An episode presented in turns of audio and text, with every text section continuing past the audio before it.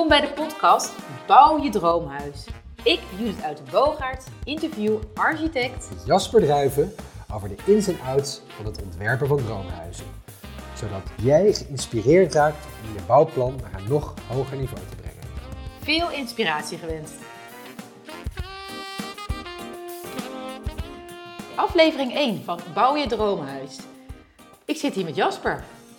En eh, deze podcast is van jou. En uh, waarom, waarom wil je eigenlijk deze podcast doen, uh, Jasper? Ja, Judith, dankjewel. Ik, als architect, want dat ben ik, vind ik het heel erg belangrijk om een bijdrage te leveren aan de kwaliteit van de gebouwde omgeving in Nederland. Er wordt zoveel gebouwd op dit moment. En er moet nog steeds nog meer gebouwd worden. Ja, daarom. En hoe mooi is het als je daarin net even het verschil kan maken. Dat extra bijzonder, dat het een super belevenis is en dat het voor mensen een fantastische plek is om in te wonen en om zichzelf te kunnen zijn. En uh, ik vind het belangrijk om het belang van een goede architect weer even op een podium te zetten en uh, onder de aandacht te brengen. Dus het doel is om jullie uh, luisteraars, om jullie mee te nemen in de wereld van de architect en uh, hoe die het verschil kan maken. En dat doen we met hele leuke voorbeelden, fantastische projecten, leuke cases. We gaan even door het hele proces heen lopen, zodat je goed weet waar je aan toe bent. En ja, het wordt gewoon een ontzettend leuke serie. Kijk, je gaat gelijk op de inhoud in, hè? dat doen we de volgende afleveringen. Vandaag gaan we het even hebben over jou. dat de, de luisteraar ook eventjes weet van, oké, wie, wie is Jasper en wat drijft jou nou eigenlijk? Um, nou, eerst even korte introductie. Jasper, wie ben je eigenlijk? Uh, ik ben Jasper Druiven, architect, 42 jaar. Ik woon in Bussum samen met mijn vrouw Judith en drie jonge kinderen. ik heb mijn opleiding gevolgd aan de Technische Universiteit Eindhoven. En ik heb daarna bij een groot aantal gerenommeerde bureaus in Nederland mijn ervaring opgedaan. En nu ben ik mijn eigen architectenbureau begonnen. Aha. En het heeft ook een hele leuke naam, hè, jouw bedrijf? Ja, QMT, QMT. Iets dat... met kwaliteit of zo?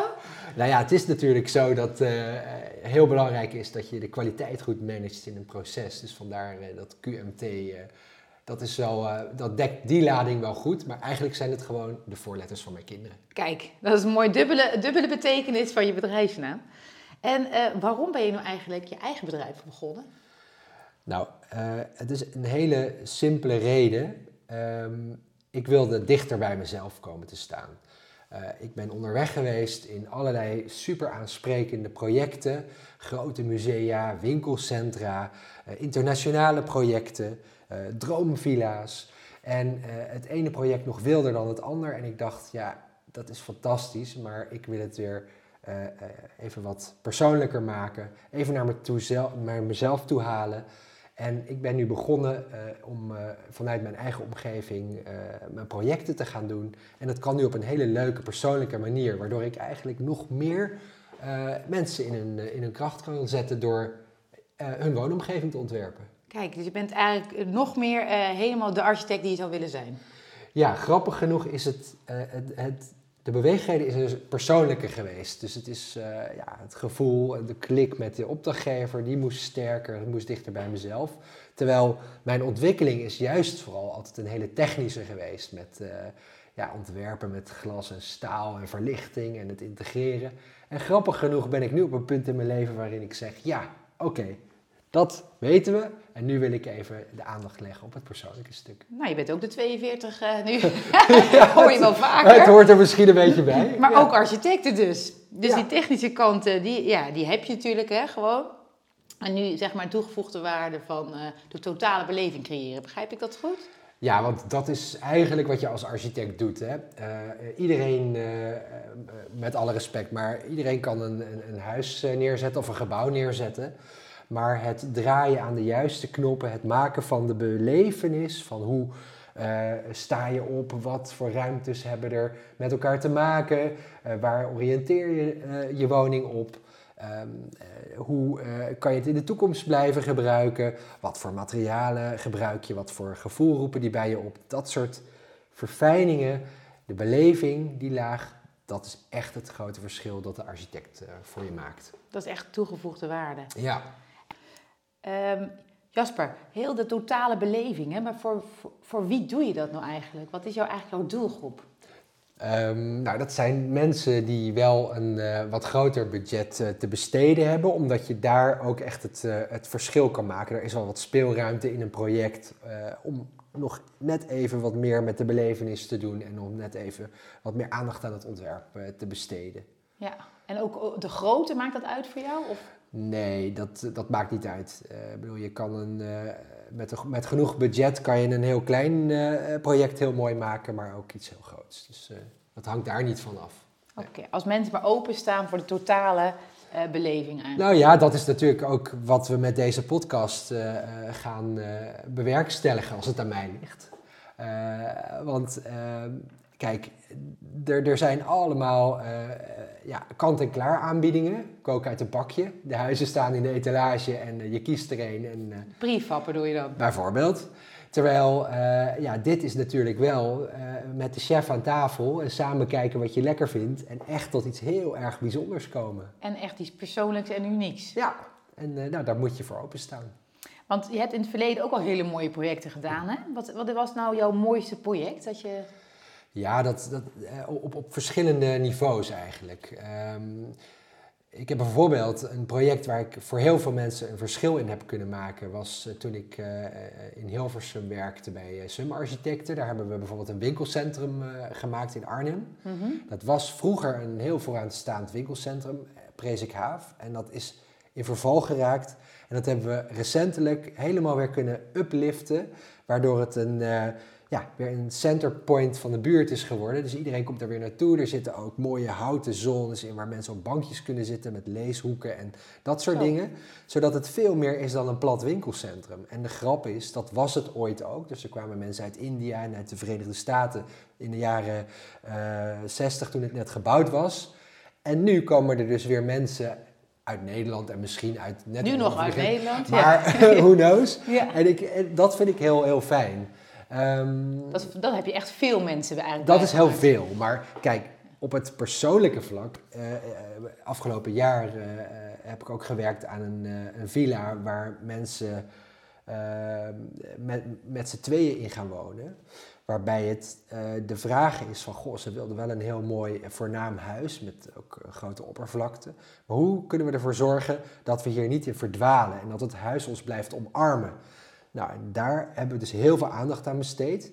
Door dus uh, niet hele grote gapende ruimtes te maken, maar door die ruimtes te geleden op te delen in kleinere segmenten. Zodat je overal waar je bent wel die geborgenheid ervaart. Maar wel met behoud van zichtlijn. Nou, dat is ook super goed gelukt. Dat wordt uh, over drie weken opgeleverd. En ik ben heilig van overtuigd dat die mensen uh, daar nog steeds uh, over tien jaar met heel veel plezier gaan wonen. Kijk, dus... misschien moeten we daar eventjes een podcast gaan opnemen. Hoe ze het ervaren. Nou, als ik jou zo hoor vertellen, lijkt het wel op dat ene televisieprogramma. Extraordinary... Ja, Extraordinary Homes bedoel je? Die. Ja, van, van Netflix. Dat is een mooie serie.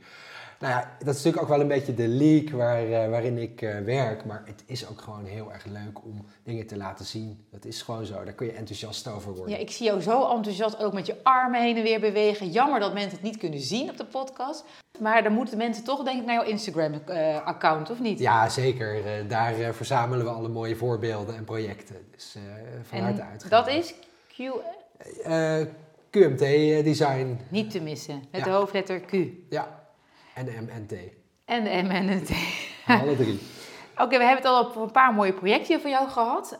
Um, maar uh, de, de, de toekomst van de architectuur, wil je daar misschien nog iets over vertellen?